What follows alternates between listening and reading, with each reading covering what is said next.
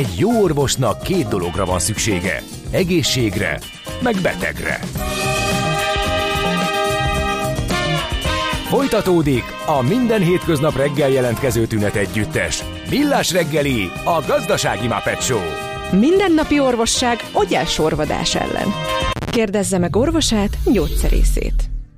A Millás reggeli főtámogatója a BYD Schiller. A BYD Schiller a Schiller Autó család tagja. Autók szeretettel. A Millás reggeli főtámogatója az idén száz éves Magyar Nemzeti Bank. Jó reggelt kívánunk, megyünk tovább a Millás reggelivel, itt a Rádió Café 98.0-án, február másodika van, péntek reggel, 8 óra 11 perc, és itt a Nás Gábor. És itt van Gede Balázs is.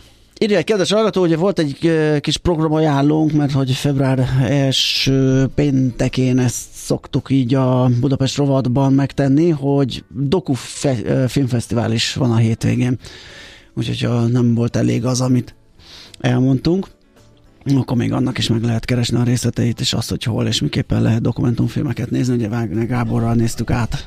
Igen, De tényleg sok... csak így a felszínt kapargató. Abszolút, persze. Kiállításokat, színházat, Sőt, ő inkább, koncerteket. inkább olyanokat hozza, amik talán kevésbé ismertek, vagy vannak benne a köztudatban. Részben, másik Do... meg tök jó, hogy saját tapasztalatból, Igen. mert ezeket általában már le is látogatta, és látta ezeket a dolgokat, vagy filmeket. Nyilván a majd jövendő koncerteket még nem, de a zenekarokat is jól ismeri. Így is van. Na, és megérkezett a stúdióban vendégünk Plesinger Gyula, az MBH befektetési bank, privátbankért és befektetés elemzésért felelős vezérigazgató helyettese. Szia, jó reggelt! Jó reggelt! Oh, a, a, a, a, alakul ez már a lapozgatós névjegykártya. Még csak két soros a titulus, de, de egyre klasszabb. Gratulálunk Igen, hozzá. Köszönöm szépen, felmerült az igényt is, hogy majd valamilyen rövidebb verziót kitalálunk. jó, de azért a vezérhelyettes az új. Hát az már azért igen. Az, az, az... Még tegeződés maradhat? Ezt kérném is, köszönöm. És jó, jó Minden maradjon a régiben, igen.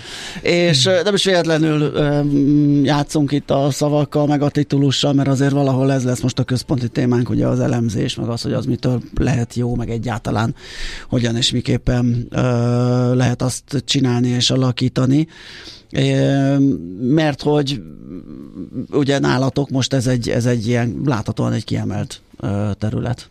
Igen, hát ha egy ilyen személyes megjegyzéssel kezdhetem, én annak idején még időszámítás előtt elemzőként kezdtem a, a pályámat kisinasként devizelemzéssel foglalkoztam, szóval ez egy, ez egy ez akkor is már ketté vált? Hogy voltak a makroelemzők és voltak a piaci elemzők? Az vagy? a modell, ahol én dolgoztam, ez egy, ez egy nemzetközi bank volt, ott egyértelműen ketté vált az a két, uh-huh. két világ, igen, és ezt a modellt Ugye a befektetési bankkal kapcsolatban elmondtuk egy pár hónappal ezelőtti indulás kapcsán is, hogy ez az angol száz modellt uh, uh-huh.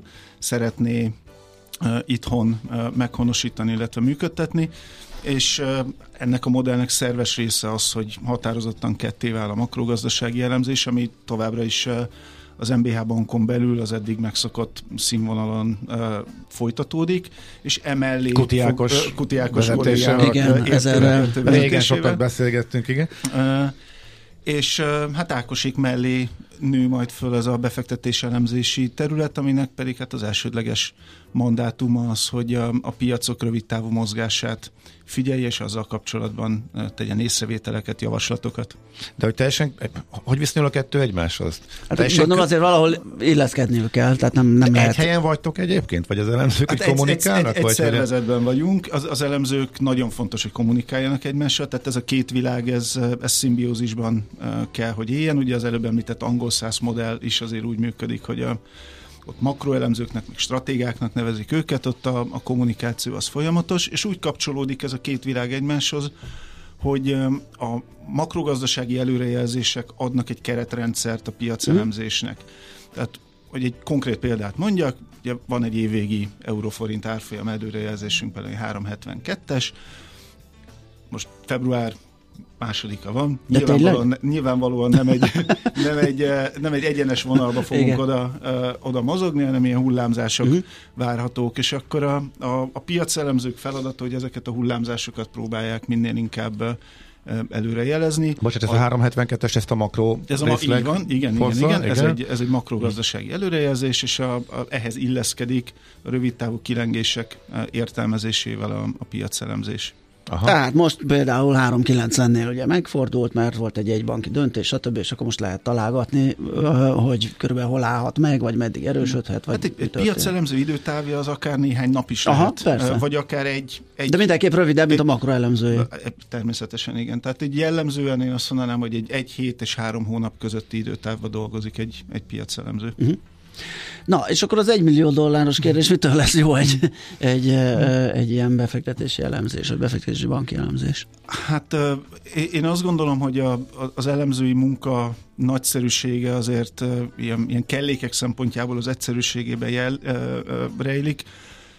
Én mindig azt mondom, hogy a legfontosabb, és most ez egy borzalmas banális mondat következik előre, elnézést kérek érted, hogy egy elemzésnek a fő üzenete az legyen, legyen egyértelmű.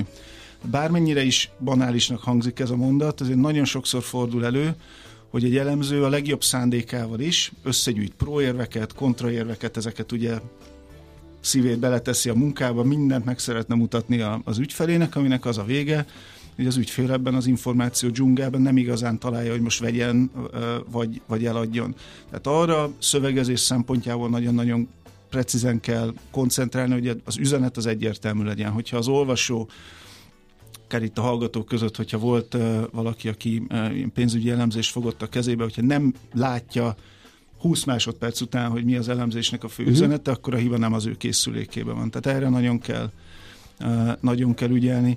Hasonlóképpen egy, főleg a piacelemzői területnél egy, egy elvárás, hogy arra a kérdésre, hogy miért most, miért most vegyek, Igen. vagy miért, miért adjak el ennek. Hát ilyen ékes magyarsággal a trigger, a, a, a neve, ezt nem tudom, szerintem magyarra nem sikerült átültetni, de hogy ebbe ez a kellékeknek egy nagyon fontos eleme hogy mi az a szikra, ami el fogja indítani a, a, a, az árfolyam mozgást. Ugye számtalan esetben devizáknál is, részvényeknél is be tudunk azonosítani papírokat vagy eszközöket, amik egy modellhez képest látványosan félre vannak árazva, de, de évekig félre vannak árazva. Uh-huh. Most egy példát mondjak még a deviza elemzői múltamból, a lengyel zlotyi volt olyan deviza, amit ilyen reál érték alapján, reál árfolyam érték alapján hosszú éveken keresztül alulértékeltnek tartott a piac, ez így bizonyítható is volt ökonometriai modellekkel. Mégse nagyon mozdult ki abból a uh-huh. világból, meg volt a, a a maga oka, a fene tudja, hogy minden meg volt az oka. Mint hogy, ahogy hogy... most is azért a dollárról azt mondják, hogy kicsit fölül értékelt, mint hogyha nem itt lenne valahol normálisan a helye, hanem inkább ilyen 1.15-1.20 környékén, de itt a geopolitika, meg a nem tudom, a menekülő deviza, meg a kamatok, meg a, nyilván beleszólnak, és nem, nem tud kialakulni a helyes értékeltség. Igen, tehát önmagában egy értékelési modell az uh-huh. ad, egy, ad egy viszonyítás, de hogy mi az a pont, ahogy akkor a triggert a szikraként maradjunk, ford, maradjunk a szikránál, hogy mi az, ami elindítja a folyamatot, ez egy, ez egy, ez egy komoly uh, uh, kritérium egy jó elemzésnek. A végén pedig, hogy legyen valószínűségszámítás szempontjából értelme uh, a, a műveletnek. Tehát hiába hiszek én abba, hogy 90%-os valószínűséggel mondjuk egy adott részvény fél százalékot fog erősödni, ha a maradék 10% valószínűséggel meg 8%-ot gyengül, akkor ez valószínűleg nem egy jó, Igen. nem egy jó stratégia. Tehát ezeket még külön kell elemezni, ez a kockázat megtérülés profil, ezt így, így tudnám magyarra átültetni. Tehát, hogyha ez a három elem egy elemzésben van, egyértelműen tudjuk, hogy föl vagy le, mi az, ami beindítja ezt a folyamatot, és ez a folyamat valószínűségekkel súlyozva amúgy egy értelmes valószínűségszámítás alapján alátámasztható stratégia, akkor zöld lámpa mehet. Igen, ez annak idején volt egy ilyen hírlevelem, még fizikailag az USA-ból küldözgették a postaládámba, és pont így nézett ki az elején ez a pár bullet point a magyarázatra, egy marha nagy vegyél adjál, tartsál, akkumulálj, ö, meg egy célár. Hm. És utána persze jött a több oldalas valami, meg, megnézhettem én a bővebb kifejtést, meg a részleteket, de első blikre azonnal láttam, hogy mi a, az ajánlása az adott eszköznek. Ez, ez, a, ez az olvasó logikája. Igen. És egy jó jó elemzőnek az olvasó logikája alapján igen, kell dolgozni, igen. nem pedig az író. Mennyiben gondolják, vagy mennyiben akartok ti újat csinálni, vagy újszerűek lenni ezen a téren? Mert nyilván azért készül számos elemzés, van számos elemzőházítón is. Így van, nyilván egy olyan piacra érkezünk ezzel a, a termékkel, ahol azért komoly verseny van, nagyon felkészült kollégák, szakemberek dolgoznak a, a, a, a hazai piacon is. Amit Ben azt gondoljuk, hogy azért uh, mélyebbre tudunk ásni, illetve olyan erőforrásokat szeretnénk használni, amik túlmutatnak azért a magyar piac uh, korlátain, ha szabad így fogalmazni. Szerződéskötéses fázisban vagyunk olyan uh, ilyen független külföldi elemzőházakkal, akik nagyon komoly több évtizedes technikai elemzési, illetve egyéb piacelemzési módszertannal dolgoznak, mindenképpen szeretnénk az ő tudásukat aktívan beépíteni a, a saját működésünkbe, illetve hát idővel ugye minél nagyobb szeletet szeretnénk lefedni a, a, a Magyarországon elérhető piacok értelmezése, elemzése tekintetében, tehát a részvényelemzésünk az ugye működik, létezik, emellé egy komoly devizaplatformot építünk majd, illetve azon ügyfeleinknek, akik nálunk befektetési alapportfóliót tartanak számukra, és ezekből az alapokból vagy az, az alapok szűrésével szeretnénk folyamatos javaslatokat tenni, hogy éppen milyen irányokra érdemes koncentrálni. A részvényelemzés az hol van ebben a struktúrában?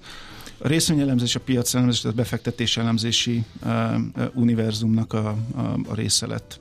Uh-huh. Tehát ezen belül külön elemzők foglalkoznak kimondottan a részvényekkel? Így van, azért a, tehát a részvényelemzés az egy, az egy nagyon részletekbe menő alapos szakmód, hogyha az a kollégák nekiülnek a feladatnak beárazni egy vállalatot, akkor őket egy pár hétig nem látjuk általában, mert igen, Igen a... ezt ismerjük, mert ilyenkor megszólaltatni is nagyon nehéz őket, és sokszor dúzognak, hogy ilyen feladatot kell ellátni, amikor ők számolni akarnak, nem pedig dumálni. És egyébként ők a magyarokat, magyar papírokat elemzik elsősorban, és a külföldi, vagy akár a, legfontos, a világ legfontosabb részvényeit ezt a már említett bárható megegyevések alapján importáljátok, vagy a magyar elemzők itt ülve elemezgetik a legfontosabb külföldi cégeket is. Azért a befektetési bankunknak szerintem egy, egy bevallott célja, vagy ilyen nyilvánosan is kommunikált célja, hogy a, a hazai tőkepiac forgalmát, méretét, aktivitását támogassa. Tehát nekünk azért elsődleges az, hogy a, a, az aktívan kereskedett magyar részvényeknek egy megfelelő, izgalmas és rendszeresen frissített elemzését biztosítsuk.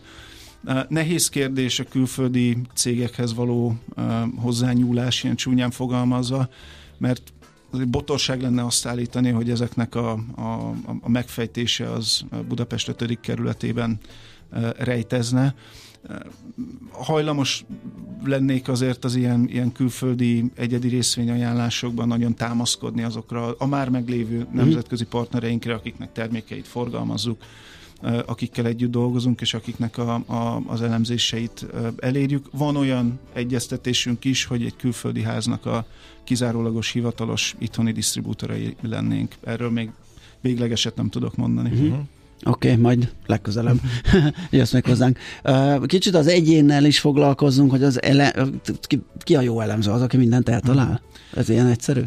Hát bár ilyen egyszerű lenne, és hát ugye egykori elemzőként sajnos meg kell erősítenem, hogy ez nem nagyon, nem nagyon megy, sőt, ez talán hallgatók számára egy érdekes adat lehet, hogy egy kiváló elemző is alig 50%-nál nagyobb arányban képes konzisztensen jó előrejelzéseket adni. Tehát az előrejelzés minősége, sikeressége az az ugye a véletlenszerű földobom az érmét 50-50 százalék bejön, nem jön be, attól nem, tehát egy profi sem tud sokkal-sokkal jobb eredményeket produkálni. Tud, de nem sokkal jobbat, de ez, a, ez az épp, hogy jobb eredmény, ez arra bőséggel elegendő, hogy megfelelő kockázatkezeléssel azért hosszú távon eh, ez a mhm. tudás, ez hasznos legyen a, a, a, az ügyfelek számára. A jó elemző én azt gondolom kritériuma, hogy legyenek egyedi, izgalmas új, új gondolatai. Tehát kapja fel a fejét az, aki, az, aki hallgatja, és ne az legyen a, a, a, az elvárás vele szemben, hogy ez mindenképp bejöjjön, ugye, mert többször említettem, hogy amikor én a pályámat kezdtem annál a cégnél a, a, a globális vezető elemző, aki egy nagyon respektált szakember volt, az amerikai hozamokra nézve neki volt egy erős várakozás, ez másfél évig nem működött de soha senki nem dobálta meg tojással, meg paradicsommal, hogy uh-huh. mit képzel, mert annyira színvonalas volt az érvelés, és annyira nyilvánvalóan uh, tájékozott volt, hogy igen, hát az ember elfogadta, hogy ez nem, nem jött be egy darabig, de ettől még érdekes volt és eredeti a, a, a gondolkodás. Szerintem ez egy, ez egy, ez egy fontos kritérium. Hallgató kérdezi, hiszem ezt a érdekes lehet, hogy Haviden elmondott, hol képzik itthon ezeket a szakembereket? Kiből lesz az elemző? Ez hogy, hogy, hogy, hogy működik? Um, van, uh, legalábbis az én időmben a Corvinus Egyetemen volt olyan szakirányú képzés, ami kifejezetten a befektetés elemzés kockázat uh-huh kezelés területre fókuszált. Én azt gondolom, hogy ez a tudás, ez, ez a, a felsőoktatásban ott ma is, ma is elérhető. De azt tudnám mondani, hogy aki, akinek egy pici affinitása van a, a, a piacok iránt, ez, ez azt gondolom, hogy akár nulláról is fölépíthető. Tehát kell, kell közgazdasági háttértudás, azért a, azt szerezze meg az érdeklődő, illetve hogyha piacelemzésre adja a fejét, akkor az egyes eszközök árazásának a modelljeit azért ildomos tudni. Egy, bocsánat, itt egy, egy másodperce szakmázok, csak a diszkontált cashflow koncepciót, uh-huh. azt azt azért minden eszköz esetében érdemes. A DCF modell. Igen. Igen, kérdezi egy hallgató elkeseredve, tehát egy kiváló elemző olyan eredményt tud hozni, mint egy szimpla találgatás, alig több, mint 50 százalék. Ugye azért nem, azt mondtuk, hogy ennél pont, több. Pont, pont ez a, a, igen, ezt igyekszem, igyekszem egészen egyértelműen ö, ö, megfogalmazni, tehát nekünk elég az, hogyha nem, nem a véletlen, véletlenszerű tudás eredményeit használjuk, mert hogy egy előrejelzés, tehát hogyha mondjuk képzeljük el azt, hogy ezerszer egymás után hallgatunk uh-huh. egy mhm. nagyon jó elemzőre, uh-huh. az azt fogja jelenteni, hogy azért mondjuk 550-szer be fog jönni az, amit a, a, az elemző mondott, és 450-szer nem fog bejönni, amit az elemző mondott. Ha ez, ez már önmagában azt jelenti, hogy ha, ha, ha helyesen kezelünk kockázatot, akkor pénzünknél leszünk ennek az er, ezer eh, tranzakciónak Erre mondta André Kosztolány, ugye, hogy 51%-ban igaza van, 49%-ban téved, a 2%-ban van a pénz. Így, így, így van, mert a, a, ami, és erről nem beszéltünk még, ami egy piacelemzőnek feladata, vagy csak ilyen indirekten utaltam rá, hogy a kockázat megtérülés profil, ez ugye ez a harmadik kritérium volt, hogy minek kell benne lenni egy elemzésben. Ez az, ami irányt mutat az olvasónak, a befektetőnek, hogy egy adott pozíciót, egy adott befektetést milyen céláról tartson, és hol van az a pont, ahol el kell ismerni azt, hogy ez nem volt egy jó ötlet, és a 450-es kategóriába esik. Ezeket a profilokat azért úgy illik meghatározni, hogy csak olyan befektetéseket ajánljunk, ahol ez ilyen ökölszabály, hogy legalább kétszer annyi potenciális hozamot látunk, mint amennyit reálisan kockáztatni kell. Ez a kettő per egy arány eh, működik. Innentől kezdve erős idézőjelbe csak annyi maradt a feladatunk, hogy az előre lefektetett szabályokat tartsuk be. Uh-huh. És akkor ez egy másik beszélgetés témája, hogy az ember sajnos eh, emocionálisan nincs úgy drótozva, hogy a, ha, ha éppen egy Én azt szoktam mondani, hogy 30 évet tőzsdézem, meg mindig én magam vagyok a legnagyobb ellenségem. Absz- abszolút, tehát a, ezt, a, ezt a, a dobjuk el, ami nem működik, szabályt ezt nagyon nehezen igen, használják, igen. de hogyha ezt átadjuk ezt a stratégiát egy, egy komputernek, uh-huh. ami, ami érzelmileg nem töltött, és ezt az ezer, ezres szenáriót, ezt végig csináljuk vele, akkor ezt gyakorlatilag százszerzelékos biztonsággal merem mondani, hogy egy professzionális elemző ajánlásai plusz egy következetesen betartott kockázat megtérülési profil tartása az eredményhez fog, uh-huh. eredményhez fog vezetni, tehát pozitív eredményhez fog Igen. vezetni. Uh-huh. Ezt Világos. tapasztaltuk meg egyébként az idősorok is, ezt statisztikailag ez bizonyított. És Igen, és akkor egy él, példa, hogy visszakanyarodjunk az elejéhez, ugye a forinthoz, hogy itt volt, hogy az egész piac gyakorlatilag kicsit félrevezetődött, vagy más gondolt.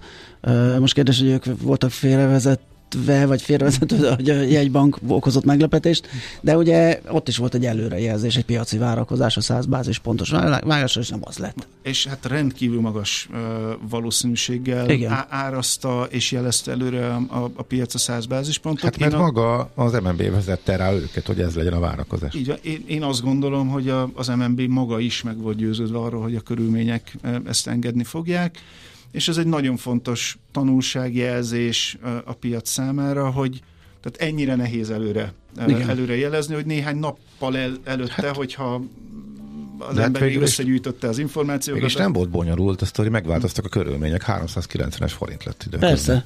Úgyhogy, uh-huh. Hát ha esetleg egy, egy példa még belefér, ez a, a, nemrég jött szembe egy, egy ábra, a, amit egy külföldi elemzésben olvastam, de nagyon csúnya neve van neki, úgy hívják, hogy hogy szőrös ábra, Harry Chart, hogyha valaki rá szeretne, rá szeretne keresni. Igen, de ezt mindenképpen angolul érdemes jó. a Google-be keresni. Megpróbáltam magyarul, jó, az jó. Más, más irányba visz, tehát hogy az angol Harry chart érdemes ránézni, és ez azt mutatja, hogy az amerikai kamatpálya az elmúlt években hogyan, hogyan mozgott, és egy adott időpontban, egy adott negyed évben egy akkor érvényes amerikai kamatszín mellett milyen pályát vetítettek előre az elemzők a következő egy-másfél évre. És hát sejthető a történet vége, igen ritkán illeszkedett az előrejelzése később megvalósult tényleges pályára, és ugye azért lett ilyen Harry chart, ilyen szőrös ábra, mert a, a tényleges vonalból ilyen mindenféle irányba vékony, vékony vonalak. Tehát eléggé elkeserítő a, a, amúgy a elemzői szempontból a látvány. Jaj, tényleg elnézést, csak a technikai ele, elemzőként hirtelen most beugrott egy bárcsárt, meg egy Harry chart, meg aztán meg a Harry bár, tehát... Igen, korán van. Kor, igen, igen, szóval. Szóval, és ezzel maguk a döntéshozók is szembesülnek, tehát a saját maguk által hozott döntés előrejelzése is látszik, hogy milyen, milyen érzékenységek alapján változik, és, és nem is mozdult sokat még az árfolyam sem, tehát a hangulat érezhetően csak épp, hogy elkezdett mocorogni a piacon, de az MNB helyesnek érezte, uh-huh. hogy, hogy erre azonnal, azonnal reagáljon. Uh-huh. Így van. Hát nagyon köszönjük, hogy ismét ellátogattál hozzánk, most már ebben az új minőségben posztokban is, úgyhogy várunk továbbra is szeretettel jó beszélgetésekre. Plesinger Gyura volt a vendégünk, az MBH befektetési bank privát bankért és befektetés elemzésért felelős vezérigazgató helyettese. Jé, hát ez meg micsoda? Csak nem. De egy aranyköpés. Napi bölcsesség a millás reggeliben. Hm, ezt elteszem magamnak. James Joyce uh, írszármazású költő író született többek között ezen a napon, február 2-án 1882-ben meg is emlékeztünk róla a műsor elején. Azt mondta egy alkalommal, az emberek még valahogy belenyugszanak, ha farkas harapja meg őket, de ami határozottan kihozza a sodrukból, az a bárány harapása. Abszolút, így van. ja, jó. Ha három orvos vizsgál meg három beteget, az azt jelentheti, hogy kilenc különböző vélemény hangozhat el. Millás reggeli és akkor kicsit autózunk, meg is jött hozzánk a stúdióba vendégünk Salgó András, a BMW Group Magyarország vállalati kommunikációs vezetője. Szervusz, jó reggelt! Jó reggelt kívánok! És hát az apropó, hogy a BMW-ről beszélgetünk, hogy a BMW márka, hogy a világ legnépszerűbb prémium márkája volt 2023-ban. Ezt most először érte el, vagy volt már ilyen pozícióban? Tehát ez most egy nagy öröm a cégnél. Glo- mindenképpen nagy öröm elsőnek uh-huh. lenni, de globálisan már egy jó ideje első a BMW, illetve a BMW Group, mint márkacsoport, de Magyarországon 15 év után tértünk vissza a prémium szegmens élére, úgyhogy a 2023-as évnek igazából ez volt az egyik legnagyobb sikere, öröme. Ez eladásokban? Ez eladásokban, uh-huh. igen. Tehát Magyarországon a BMW volt tavaly a legnépszerűbb prémium márka, és egy szűkülő új autópiacon érte ezt a teljesítményt. Igen, ezt, tehát... ez ráadásul ugye egy plusz valami, mert hát nagyon sokat beszélgettünk a 23-as autópiacról, és hát ez nem nagy elragadtatással beszéltek a kereskedők róla, nem volt ez annyira jó év. Így van, hát az összpiac az egy a jó 3%-ot szűkül, de a prémium szegmens azért tudott növekedni, Aha. és ennek a növekedésnek egyébként az egyik motorja a BMW, és a Mini volt a másik márkánk többek között, úgyhogy mind a kettővel abszolút szép sikereket tudtunk elérni tavaly. E- ez minek volt köszönhető? Igazából azt gondolom, hogy ez hosszú évek stratégiája, hogyha visszanézzük azt, hogy az elmúlt, nem tudom, tíz évben körülbelül hogy működött a BMW Magyarországon, akkor folyamatosan és egyenletesen tudott növekedni, és az a globális stratégia, amit egyébként, ami a vállalatot a világban is sikeresé teszi, az Magyarországon is nagyon jól működik, nagyon széles a kínálat, nagyon, nagyon konzisztensen építkezett a márka. Ebben nagy része van egyébként az elektromos modelljeink Azt akartam mondani, hogy, az, hogy a ránézésre is, még hogyha valaki nem is ismeri a teljes termékpalettát, az azt már látja, hogy elég szép számban jelennek meg az elektromos BMW-k. Így van, akkor... illetve azért a BMW ideje korán elkezdte uh-huh. az elektromos autók fejlesztését, 2013-ban jelent meg ugye az i3-os, az első városi autó, amit most ö, tapasztalunk az az, hogy a kínálatnak kb. 90%-ában van elektromos alternatíva, ö, a plug-in hibridek meg a belső égésűek mellett, ö, és kb. 2025-től várható majd egy következő léptékváltás, amikor az elektromos modellek majd még nagyobb teret tudnak nyerni. Uh-huh. A, az idei évet azt, azt milyenek látjátok, mik a kilátások? Gondolom az elektromos autózás segíti majd itt ez a támogatási uh, Igazából az, így van, az is adhat egy lökést. Nem szeretünk számokat mondani, vagy nem is érdemes, mert annyira, annyira volatilis a környezet, hogy, hogy azért nagyon sok minden befolyásolhatja ezt a dolgot.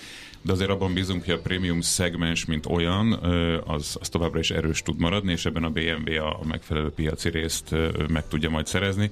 Nagyon sok újdonság érkezik, tehát az év is tényleg erősen indul. Számos mini is, BMW is rögtön az első három-négy hónapban megérkezik a magyar piacra is.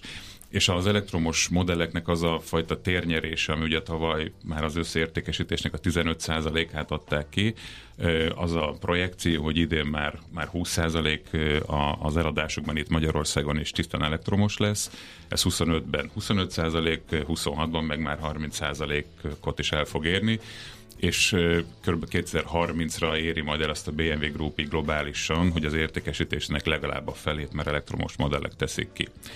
De hogy nem csak elektromos, hiszen egy olyan vállalat Akkor elég sokáig számol azzal, hogy még azért a Így van, foszilisben érdemes. egy, egy, egyfajta technológiai nyitottsággal gondolkodik a vállalat, uh-huh. tehát az elektromobilitás van abszolút a fókuszban, de továbbra is fontos az, hogy a belső égésű és, és egyéb alternatív hajtásláncok fejlesztésével is foglalkozzon a márka, hiszen a globális fejlődés a piacoknak a különböző növekedési üteme is teljesen eltérő, mind földrajzilag, mind pedig szabályozás szempontból. A hallgató kicsit általánosan teszi fel a kérdést. Beszéljetek az elektromos miniről, specifikusabban talán jó lenne.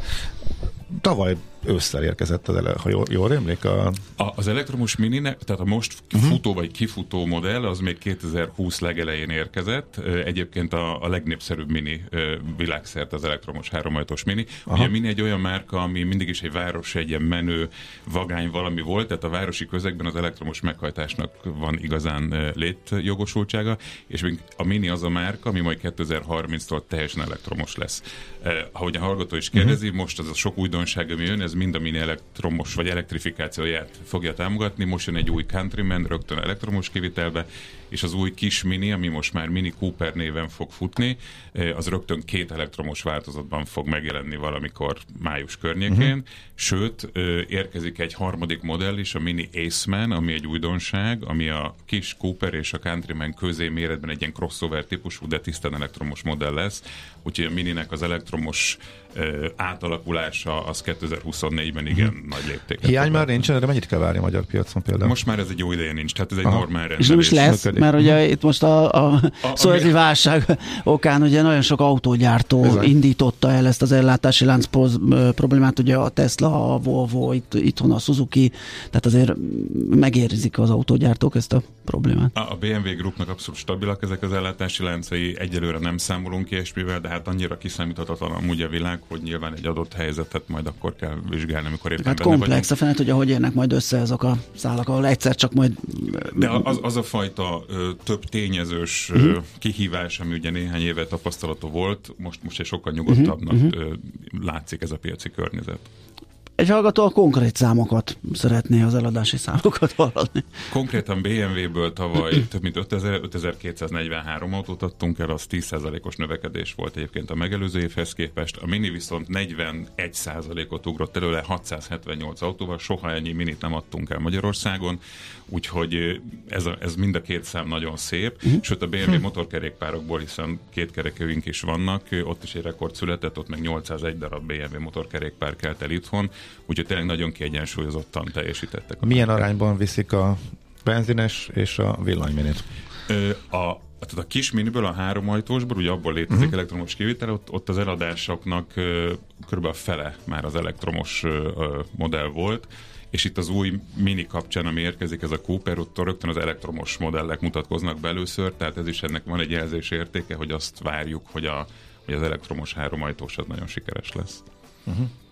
Csú, én még a kérdést sem értem, 6 GT-vel mi lesz? A BMW-nek a 6 GT egy... Elnézést, de egy nem olyan- ismerem a teljes nem baj, én termékpalettát. értem. Modell paletta, nincs, meg teljes egész. A 6 GT köszöni jól van, megvan, egyelőre része abszolút a kínálatnak, ez az 5-ös és a 7-es uh-huh. modelljeink ö, ö, közötti autó, ugye az 5-ösből is már van új generáció, ez tavaly mutatkozott be októberben, a 7-es egy évvel korábban, tehát nyilván a 6-os GT a, a modellciklus felé közeledik, de abszolút része a kínálatunknak. Az, hogy annyira jól sikerült az év, ebben árazási megoldások is vannak? Tehát ez kellett... Illetve egy luxus Vagy- autónál, vagy márkánál mennyiben számít egyáltalán Igen. az árazás? A, a BMW egyébként egy nagyon kiszámítható árazást követ, évente háromszor adunk ki új árlistát, akkor szoktak mozgások lenni egyébként az árakban, de itt mindig új modellek megjelenése is generálja, vagy frissítés, többletfelszereltség. Igazából a, a kiegyensúlyozottságra utalnék vissza, hogy tényleg nagyon széles a kínálat, egy-egy kategóriában tudnak a vásárlók elektromost, plug-in hibridet, benzinest és dízelmodellt is választani, ez most már ritkán van így egyébként, még a prémium szegmensben is. Ami inkább érdekes, hogy ugye az elektromos modellek térnyerésével minden más gyártó, tömegmárkák is ugye egyre újabb és egyre több elektromos újdonsággal rendelkeznek, és itt az elektromos autóknál az árkülönbség a prémium versus tömeggyártónál, ez még kisebb, tehát a vásárló az, az, az egy sokkal nagyobb választékból választott, aki korábban nem biztos, hogy BMW-t mondjuk mérlegelt a magas ára miatt, az elektromos autók egy bizonyos kategóriában nagyon hasonló árszínvonalon vannak, és itt a BMW egy, egy nagyon jó alternatíva. Oké, okay, hát sok mindent megtudtunk, és uh, akkor ezek szerint azért az idei évet sem várjátok annyira rosszra. Uh, még hogyha kevésbé jól tervezhető is, vagy nehéz a jövőbe látni. Gondolom az, az nem ambíciózus cél, hogy megtartani azt, amit a Ez egy Elő- olyan siker, ugye 15 év után tértünk vissza Mhm. ebben, ebben az első helyre. Egyébként a január hónap az most már eltelt, vannak hivatalos statisztikák, a BMW továbbra is Mhm. első. Szeretnék megtartani ezt a pozíciót. Hát akkor mit kívánhatnánk más, mint sok sikert ehhez. Köszönjük, Köszönjük szépen, hogy beszélgettünk a márkáról. Vendégünk volt Csalgó András, a BMW Group Magyarország vállalati kommunikációs vezetője. Az egészség a teljes testi, lelki és szociális jólét állapota, nem csak a betegség hiánya. Az egészség közös ügyünk. Tájékozódjunk együtt az ellátás, diagnosztika, költségek, eszközök, finanszírozás és biztosítás aktualitásairól. Pulzus. A Millás reggeli általános egészségügyi rovata. Maradunk az autóknál, méghozzá az autósportnál, a Forma 1-nél, mert hogy persze majd itt egy csomó minden más is ö, szóba jön, Forma 4, meg mindenféle, de van egy fiatal tehetség, akinek esélye mutatkozik arra, hogy akár 2029-es esztendőben már Forma 1-es pilótaként ö, rója a köröket, ugye Hideg Ádá- Ádámról van szó, és Hideg Ádám menedzserével, Ferenc Krisztiánnal fogunk beszélgetni, aki itt van a telefonvonal túlsó végén. Szia, jó reggelt! Sziasztok, jó reggelt, és üdvözlöm a hallgatók. Mennyire rögös ez az út innen Magyarországról? Megmondom őszintén, hogy nem így közelítjük, van egy program, amit összeállítottunk, amiben külföldi szakembereket is bevontuk. Nyilván vannak akadályok, de szerintem a világ összes projektjére igaz, hogy közben vannak akadályokban, nem azokra helyezzük a figyelmünket. Mi most nagyon optimisták vagyunk, az eltámezik olyan eredményeket szokták, ami miatt egyáltalán nincs kétségünk hogy eljut a célba. Nem, nem, Ez- nem így gondolok. Ez egy, nagyon, ez, ez egy nagyon szimpatikus megközelítés, mert szerintem Igen. e, mi itthon ilyen távolinak gondoljuk a Forma 1-et, még úgyis ugye, ahogy volt már magyar Igen. pilóta, de hát Bangás Zsolt talán egy másik uh, íven uh, jutott el odáig, ugye van egy olyan ág, hogyha valaki patronál egy csapatot, vagy, vagy megtámogatja, akkor úgy is lehet. Persze a képességek akkor is kellenek, de, de, de az egy másik irány.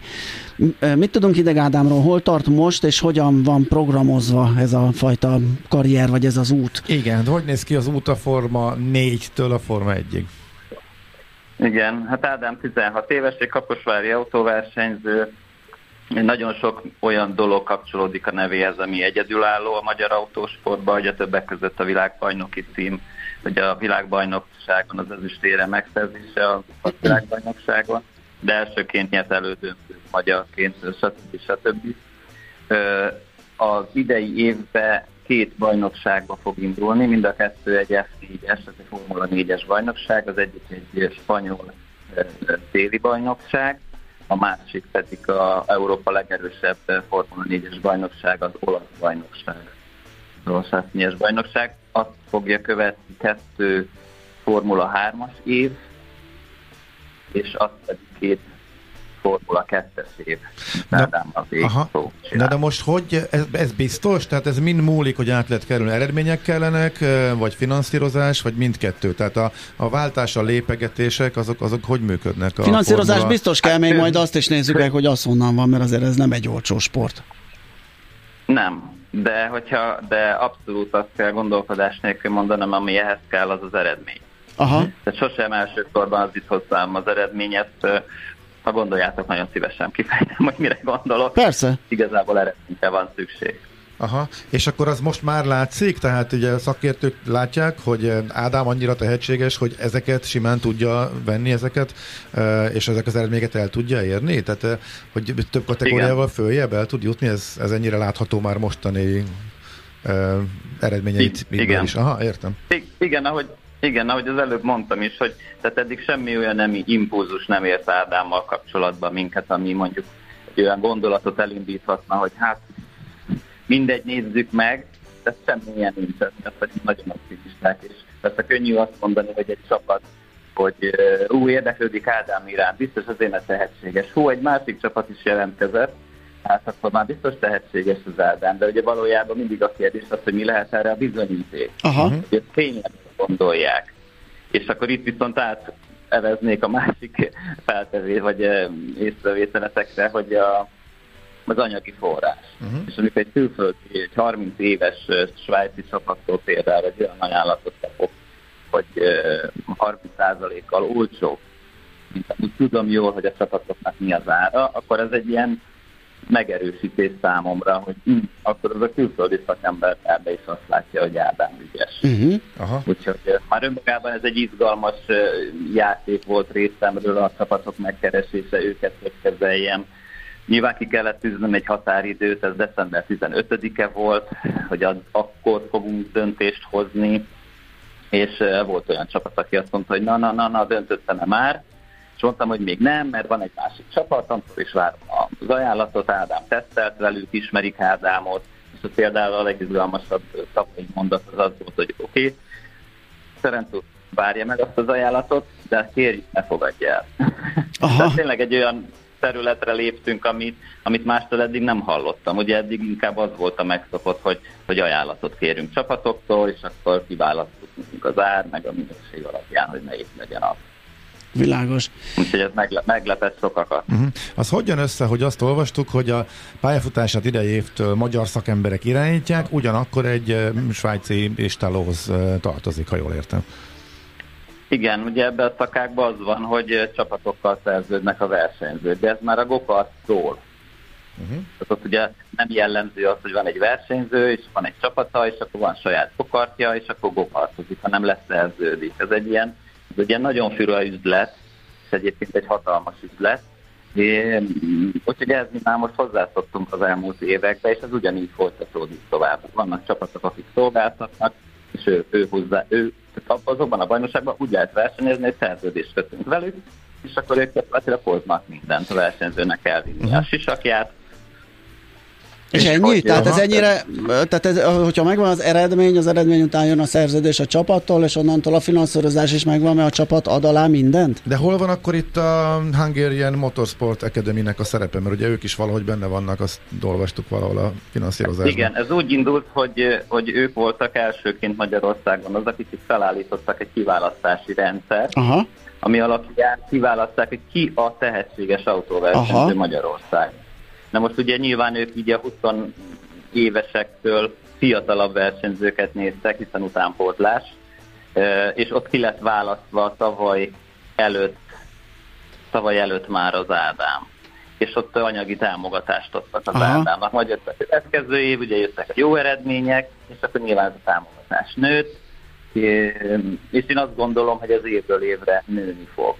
Tehát például ez, ez egy nagy támogatás a részükről a sajtótájékoztatót, ami tegnap előtt volt a főt rendezték, az elképesztően exkluzív és egyedi volt, tehát Magyarországon nem volt olyan, egy csapatnak van egy sajtótájékoztatója, és az MNA elnöke is kinnül, a Hundának az elnöke is kinnül, tehát ott, ott, ott igazán, aki ott volt, tényleg érezte, hogy hú, ez most valami más. Uh-huh. Oké. Okay. Hát nagyon szépen Tehát köszönjük. röviden anyagi támogatást is ad a Honda. Igen. Aha, aha, értjük, értjük. Szóval akkor így épül föl maga a rendszer, ami a tehetséggel párosulva elvezet. És akkor két évente uh, lehet csak ugrálni, ez, ez is gondolom akkor egy szabály, tehát ugye két évet el kell tölteni az egyik uh, Nem. Nem? Az sem? Akkor ez, nem, akkor nem, ez a fejlőd... nem. Azért mondom, hogy ez egy program, mi úgy ítéltük meg, Aha, tehát hogy, akkor ez már a- hogy, hogy a fejlődési programból ti úgy ítéltétek, hogy így, így Igen. lehet lépegetni. Tehát Igen. akkor a 29 az lehet, hogy később, lehet, hogy korábban, tehát ez nyilván még változhat akkor a menetrend, és most jelenállás szerint látjátok úgy, hogy, hogy 29-re elérhető a ma a Formula realitás egy. ennek. Aha.